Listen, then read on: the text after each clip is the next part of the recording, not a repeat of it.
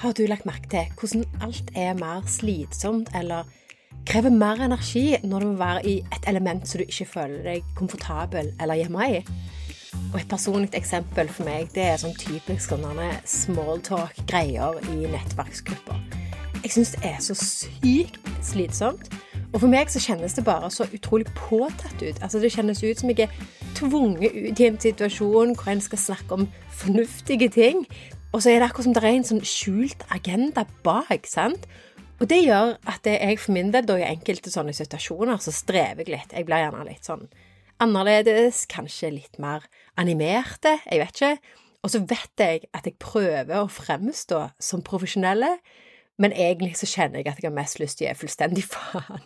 Jeg syns det er så drit. Jeg kan ta et annet eksempel òg på dette med å ikke føle seg hjemme eller ikke føle seg komfortabelt. Og det er i forhold til jobb. Og jeg husker helt spesifikt en situa situasjon hvor jeg var i ferd med å bli kjent med min nye sjef. Og så husker jeg at måten han snakket på, var veldig tiltalende for meg. Og vi hadde en utrolig god kjemi helt fra begynnelsen. Men det var ikke før jeg på en måte traff han, og hvor vi satte oss ned begge to med en god kopp med kaffe, sant? snakket ansikt til ansikt, og nesten la beina litt på bordet, for det, okay, det pleide vi å gjøre òg. og så ble liksom stemningen oss imellom, den ble en helt annen.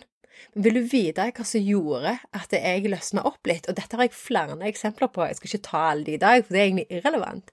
Men det var det at jeg hørte at når han skulle forklare noe eller beskrive noe i en historie eller et eller annet, jeg husker ikke spesifikt hva han snakket om, men så husker jeg at det havna inn noen gloser der. Og det som jeg kjente for min del i den settingen der, hvor jeg i utgangspunktet gjerne da ikke var så komfortabel og ikke følte jeg kunne være meg sjøl, med han, så merket jeg det at det, å, han snakker sånn som jeg snakker. Og da merket jeg at å ja, da kan jo jeg være meg sjøl, jeg òg. Og da husker jeg de samtalene som jeg og han hadde da, de var utrolig givende. De var òg veldig lite tilgjorte, og de var veldig ekte. Og eh, vi kom fram til gode løsninger basert på diverse ranter som vi hadde eh, til hverandre. Men det er det jeg mener, at det, for meg i alle fall så handler det på en måte om det å være Få lov til å være ekte, og få lov til å ikke trenge å holde tilbake, hvis du skjønner hva jeg mener. Men det jeg har opptatt da, når jeg ser tilbake hvor jeg har vært i de situasjonene der jeg har vært, på jobb, og jeg har tilpassa meg jeg, ja, Et eksempel til. Det var jo jeg husker jeg var i starten, når jeg eh, skulle over og jobbe på kontor administrativt, og jeg hadde gått vekk fra grafisk design. Jeg hadde på en måte akseptert at det var ikke var noe for meg allikevel. Så var det ikke så mye annet jeg følte jeg kunne gjøre, sånn at da fant jeg ut at dette med administrasjon, det vet jeg er noe jeg kan mestre. Jeg vet jeg kan sette meg fort inn i systemer og gjøre alle disse tingene her, og jeg kan være ganske organisert. Så, så, det jeg gjorde da, det var når jeg starta i den jobben der, så husker jeg helt seriøst Jeg gikk og kjøpte meg en ny garderobe, og det var ikke det at jeg gjerne ikke trengte noe litt mer ordentlige klær, for det gjorde jeg garantert, men jeg trodde at jeg liksom ikke kunne bruke min egen stil, eller ha mitt eget uttrykk, eller kle meg sånn som jeg pleide å gjøre, gjerne litt mer til vanlig, og da er det gjerne litt Kanskje litt, litt mer speisa, eller litt mer på kanten, eller Kanskje litt mer farger og litt mer sånne ting. Men det som jeg gjorde når jeg starta da, i den jobben der, det var den garderoben. Da gikk jeg ikke for svart, jeg gikk for blazer, jeg gikk for fine bukser og svarte sko, og gikk liksom all in. Tenker nå skal jeg være profesjonelle, sant? At du framstår med at, det, eh, at folk skal ta deg seriøst. Og det er ingen dum idé, det. Men det jeg vet jeg gjorde i den settingen, det var jo igjen dette å tilpasse meg, sant? Jeg måtte skulle tilpasse meg eh, uskrevne regler, egentlig. Jeg visste at vi måtte se decent ut, men jeg er ikke sikker på om jeg hadde trengt å tatt den så langt som det som jeg gjorde. Og det var jo òg med på å bygge opp under min overbevisning om at jeg måtte være ordentlig. Ikke sant? Sånn at eh, når jeg satt i møter, for eksempel, eller at eh, jeg hadde samtaler med kolleger og sånne ting, så prøvde jeg fremdeles å være ordentlig. Jeg prøvde fremdeles å være profesjonelle. Og det fremsto jeg sikkert litt òg som. Problemet var at jeg følte meg jo allikevel ikke hjemme, for jeg fikk jo ikke være meg sjøl. Jeg fikk ikke uttrykt meg på den måten som mest naturlig for meg, som igjen da betydde at jeg liksom lagde noen regler for meg sjøl og liksom en boks som jeg da skulle passe inn i. Og, og det gjorde jo òg at jeg følte jeg hele tida måtte da opprettholde det inntrykket i tillegg, sant? Og da begynner vi å snakke. Da begynner det å bli skikkelig slitsomt. Men det jeg trodde før, som et utgangspunkt, da, det var liksom at det var meg som ikke passet inn. At det, for eksempel dette med at jeg ikke var så god på nettverksmøter, og det stemmer for så vidt. Men jeg følte liksom at det var opp til meg i situasjoner og jobber og miljøer hvor jeg da følte at jeg måtte justere meg sjøl, sånn at jeg da kunne gli inn i mengden. Og det som er tingen som jeg har tenkt på i etterkant, det er jo akkurat det at det er ingen som noen gang fortalte meg at jeg måtte tilpasse meg, eller at jeg måtte være noe annet, eller at det var noe annet som var påkrevd. Så det var ikke problemet, sant? Problemet er jo at jeg egentlig da har skapt et bilde av det jeg forventa jeg måtte være for å passe inn der jeg ønsket å passe inn.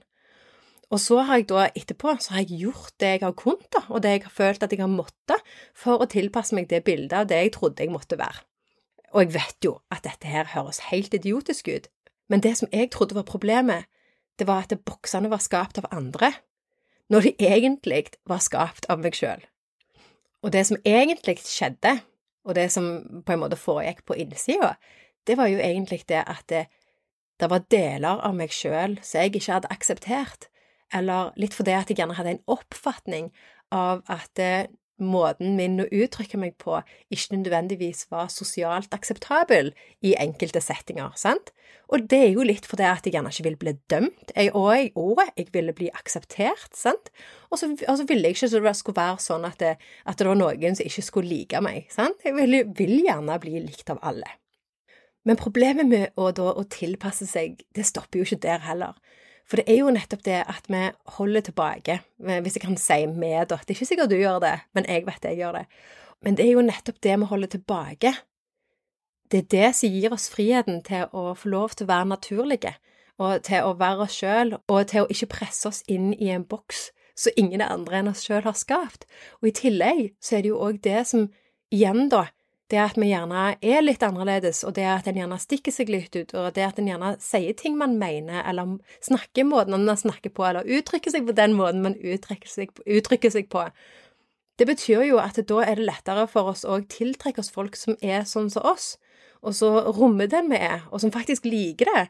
Samtidig så har vi jo det motsatte på andre sida, at hvis du da stikker deg ut og faktisk dyrker den du er, og ikke den du tror du må være, så vil det være noen da som ikke er tiltrukket av det, og som kanskje regelrett synes at det der er dødsteit, sant?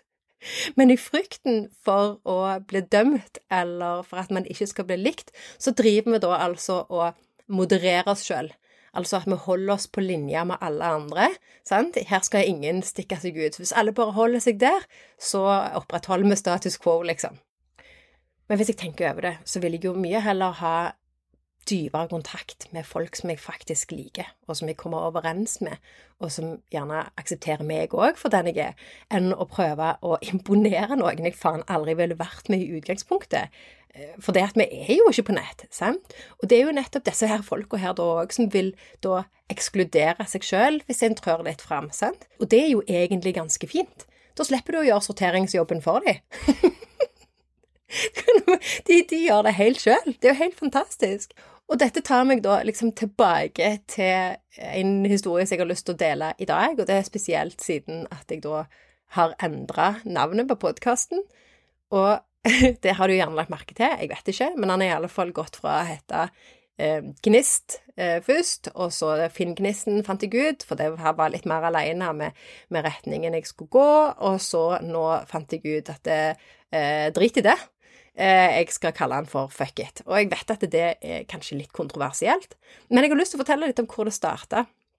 For det at det, når jeg starta denne podkasten her, sant, da var det fordi at det var et lite prosjekt for meg. Eh, det var en måte jeg kunne tre ut i lyset på, gjøre noe ubehagelig, snakke om noe jeg var interessert i, dele verdiene mine, dele det jeg bryr meg om, og det jeg liker å snakke om. Og så visste jeg at dette betydde at det, jeg måtte på en måte gå skikkelig ut av komfortsonen, og det var ekstremt ubehagelig, men det er en helt annen historie. Men da, for å ikke støte noen, så holdt jeg en del av meg sjøl tilbake. Og det, den delen jeg holdt tilbake, det var den delen som gjør mitt språk fargerikt, og som faktisk er litt av det som gjerne kjennetegner meg litt som person òg, for de som, de som vet hvem jeg er det er jo at jeg snakker gjerne rett fra levra, og jeg setter kanskje litt ting på spissen, og at det, eh, jeg sier kanskje av og til enkelte ting som folk tenker, eller at eh, jeg gjerne utfordrer litt og sier ting som jeg vet at folk gjerne er litt grann uenig i. Sant? At jeg gjerne kan sette ting litt på spissen. Jeg kan diskutere ting. Men når jeg da skal fortelle ting, eller, eller blir skikkelig engasjert, da banner jeg. Og det gjør jeg. Og, og, det, og, det, at jeg på en måte fant ut at jeg liksom skulle holde meg sjøl litt sånn nede på matta at jeg, jeg ville jo ikke støte noen, og det er av respekt, for jeg, jeg har ikke lyst til å støte noen. Men det gjorde òg, da, i det forsøket på ikke å støte noen, så gjorde det jo òg at jeg ikke følte meg helt hjemme. Og selv om jeg visste at dette var Altså, podkasten var et produkt jeg hadde skapt helt sjøl, og at jeg sto 100% fritt til å gjøre med det hva faen jeg ville, så var det en av mine bukser igjen, da. En av de uskrevne reglene. Ingen som hadde sagt at jeg ikke kunne gjøre akkurat sånn som jeg ville. Det var jo jeg som satte kriteriene. Det var jeg som bestemte hvilken vei du skulle gå. Alt dette her var mitt eget valg, men jeg følte. Jeg følte at jeg måtte. Åh, hører du det, eller? Og det mest fremtredende for meg, det var jo nettopp det at jeg ikke skulle banne. Og selv om alle de som kjenner meg, vet at jeg av og til banner, altså innimellom, ikke alltid, at jeg av og til kan banne da som en full sjømann, og at jeg gjerne da har fargerike beskrivelser når jeg forteller ting. Men det ble litt strippa vekk, sant? For effekten for meg med at jeg liksom måtte holde noe som egentlig er en så stor del av språket mitt, at jeg liksom skulle holde det tilbake, det gjorde at eh, litt av entusiasmen forsvant, sant? At det ble vanskelig å motivere seg for å fortsette. Det var litt tungt å lage innhold, for det at det, det var på en måte mangla litt flyt i det. sant? Det var akkurat som fargen var litt vekke. Og i starten så la jeg ikke merke til det, for da var jeg så inni det, og da var det så utfordrende bare å, å publisere hver episode. Men etter hvert som jeg liksom hadde kommet inn i det, så var det akkurat som jeg hadde kommet inn i en sånn en form for snill pike-syndrom. Litt sånn som jeg snakket om innledningsvis på jobben. Sant? At jeg måtte opprettholde det imaget som jeg hadde skapt. Problemet var jo at imaget i utgangspunktet var feil. Sant? Jeg hadde skapt feil bilde, og det er det jeg nå da prøver å rette opp. Og så har jeg lyst til å fortelle litt hvordan det kom der til, for jeg syns det er utrolig spennende. Og dere som har vært med og fulgt litt denne podkasten her en stund, dere vet at jeg er en sucker for sånne typer. Og grunnen til at jeg er en sucker for det, det er jo nettopp fordi at noen har gjort det harde arbeidet for oss, og at det går an da å få noen holdepunkter. Eh, noe, en, en, slags bevisstgjøring, da, sant, på hvordan vi egentlig er. Selv om det gjerne ikke er så tydelig for oss. Men da, etter hvert, da, når vi åpner oss opp Det har jo alt det å åpne oss opp for at det kanskje det er noe sant i det, etter hvert da, som vi begynner å ta dette inn over oss, så begynner vi ta jævlig mye sant i det. Og til slutt så blir det sånn OK, hvorfor har jeg ikke sett dette før? Nei, for det er at vi klarer ikke å se oss sjøl i speilet. Det vi ser i speilet, er ikke det samme som, som nødvendigvis andre ser, sant? Så det har litt med det å gjøre. Så det som skjedde da, det var at i løpet av en mastermind som jeg var på sammen med min mentor, eh, Hilde Kloppbakken, så var, gikk vi da gjennom noe som heter eh, branding archetypes. Og det er egentlig i forhold til branding, det å lage et brand, sant? personlig brand. Men her har du da snakket om okay, hvordan skal man da sette fingeren på å trekke ut det som er spesielt, og det som gjerne er måten man er på, å finne liksom dette uttrykket, da. Og i min setting, da, så handler jo dette om å Det handler jo litt om å komme tilbake til seg sjøl, sant? At, eh, at, vi kommer vekk fra det der at vi prøver å passe inn, til å heller tørre å trø ut.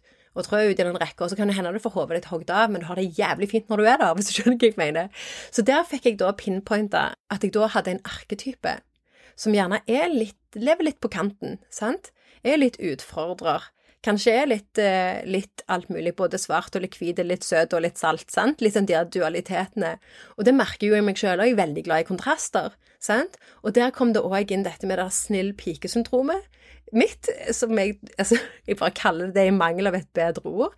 Og at da, for meg er liksom kontrasten dette med at jeg er i utgangspunktet ganske grei, men jeg har lyst til å være litt rebell òg, og det er liksom den der rebellen i meg som da tidligere ikke har fått plass, sant?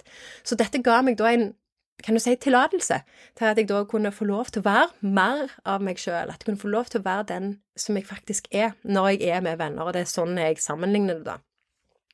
Og det er jo òg grunnen til at jeg da litt motvillig og usikkert tok steget ut mot å liksom gå litt all in på dette, da, og derav navnet Fuck it, sant? Og det å bare omfavne det, for det, det, det gir meg en slags frihet. Og så tenker jeg da at vi skal ikke dømme en CD eh, med, utgangs, med, utgangspunkt i coveret, fordi så en vet hva CD ennå er. Jeg vet at det her er vi snakker med 80-tallsmodellene som iallfall vet hva det er.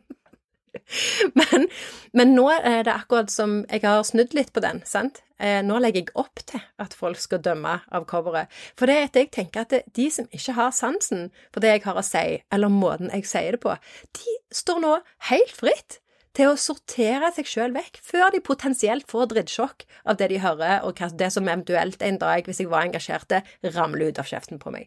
Og dette har da vært en prosess, det kan jeg love deg men allikevel en sykt spennende prosess, syns jeg. Og jeg kjenner litt at jeg, jeg, begynner å bevege meg litt vekk fra denne boksen, den snill pike-syndromet som jeg har hatt, og så har jeg begynt å, å omfavne den sida av meg som da igjen da gjør det lettere for meg å være meg, og uttrykke meg på en ekte måte, så jeg føler meg hjemme i.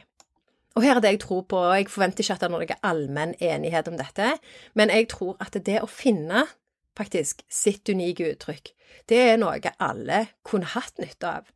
Og det handler om da om å finne det som gjerne er litt unikt, sant, og så omfavne det. Og det handler da om å gå all in, sant, og slippe det løs. Og ja, det vil jo gjøre at det er noen som ikke liker deg lenger. Huff. det, vi, vi må si det. Huff. Men det er bedre det enn at du prøver, og jeg prøver, å være noe vi ikke er. Sant? For da liker jo folk oss gjerne på litt feil grunnlag, ergo denne her imaget som jeg måtte opprettholde på jobb. sant? Så når vi begynner å uttrykke oss på en måte som oppleves ekte for oss sjøl, så vil vi òg da tildrikke oss de folka som liker nettopp det, og som òg da vil føle seg hjemme der, og kanskje òg kan få en tillatelse, og som tenker at denne personen den kunne jeg hengt med lenge uten at det hadde blitt noe gnist. Den type folk er jeg litt på. De folka som jeg bare liker å være med, som jeg bare kjenner at jeg føler meg hjemme.